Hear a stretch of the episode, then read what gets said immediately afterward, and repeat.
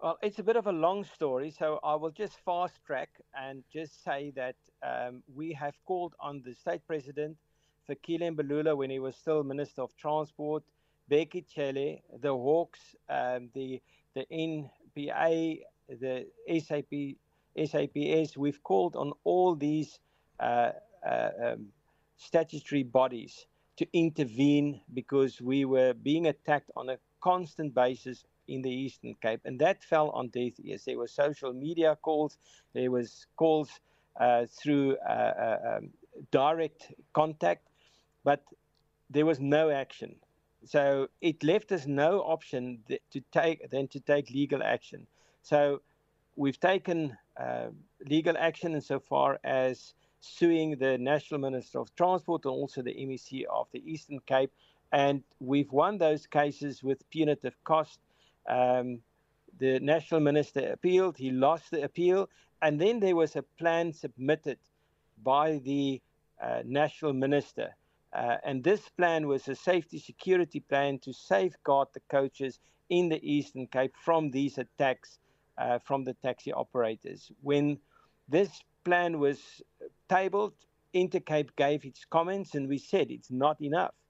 But we couldn't persuade the National Minister's office to put a better in, intervention on the table than what they have tabled at the time.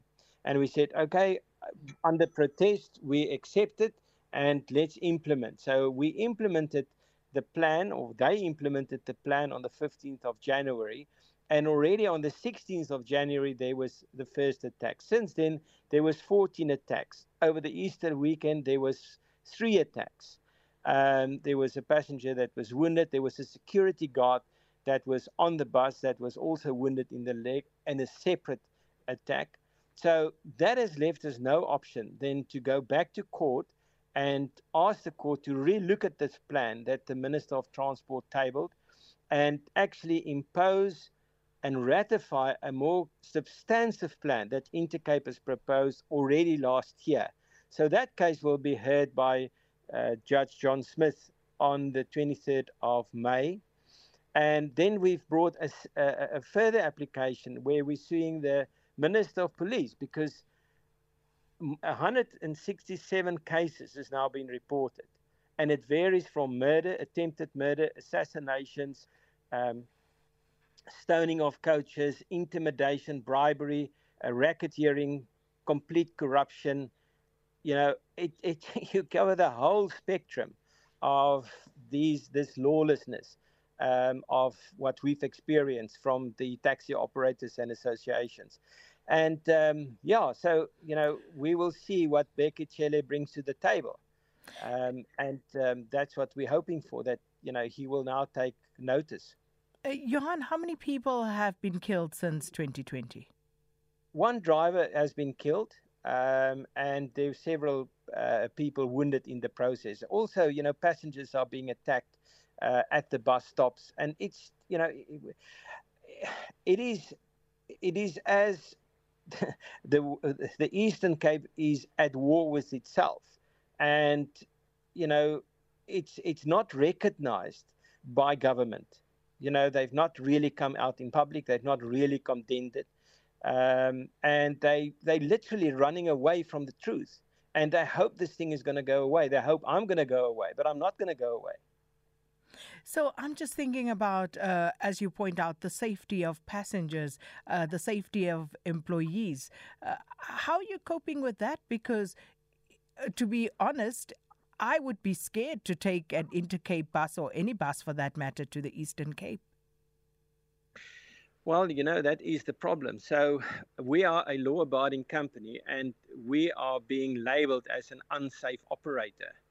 Um, and I think just I just think it is completely unfair. It's justified what you say because that's the normal conclusion that that that the man in the street will will draw.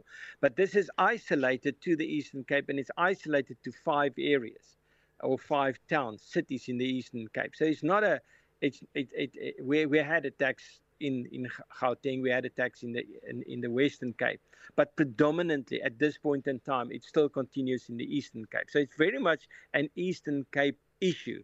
That's where it originated from, and that's where it's still persisting.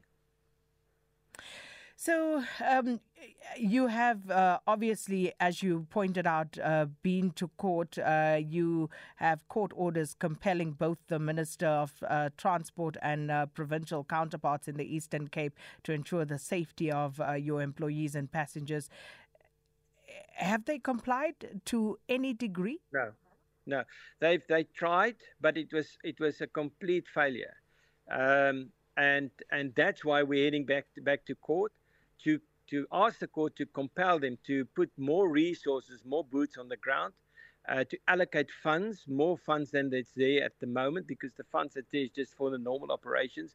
They need special ops to take care of this, and they need to make arrests. They need to put people behind bars. I mean, just look at this thing with Best, and I, I, I'm afraid that Intercape will also become a meme. You know, this whole thing about Bekele answering about how Thabo Bester was in jail and then he was put in jail and then he jumped out of jail. I mean, the next day there was a thousand memes about the, the minister. I mean, it is completely ridiculous. It's completely ridiculous, you know, that, that life-threatening situations, but that's how South Africans cope with these things, you know. We look at politicians and we laugh at them. and then we make memes and then it becomes the norm. And I'm not going to let that happen to Intercape because this is a, a, life and death situation, not only for our passengers, but also for our company. Well, uh, we're going to have to leave it there for today, Johan Ferreira. Thanks so much for speaking to us, uh, the CEO of Intercape, Johan Ferreira, there with the latest developments.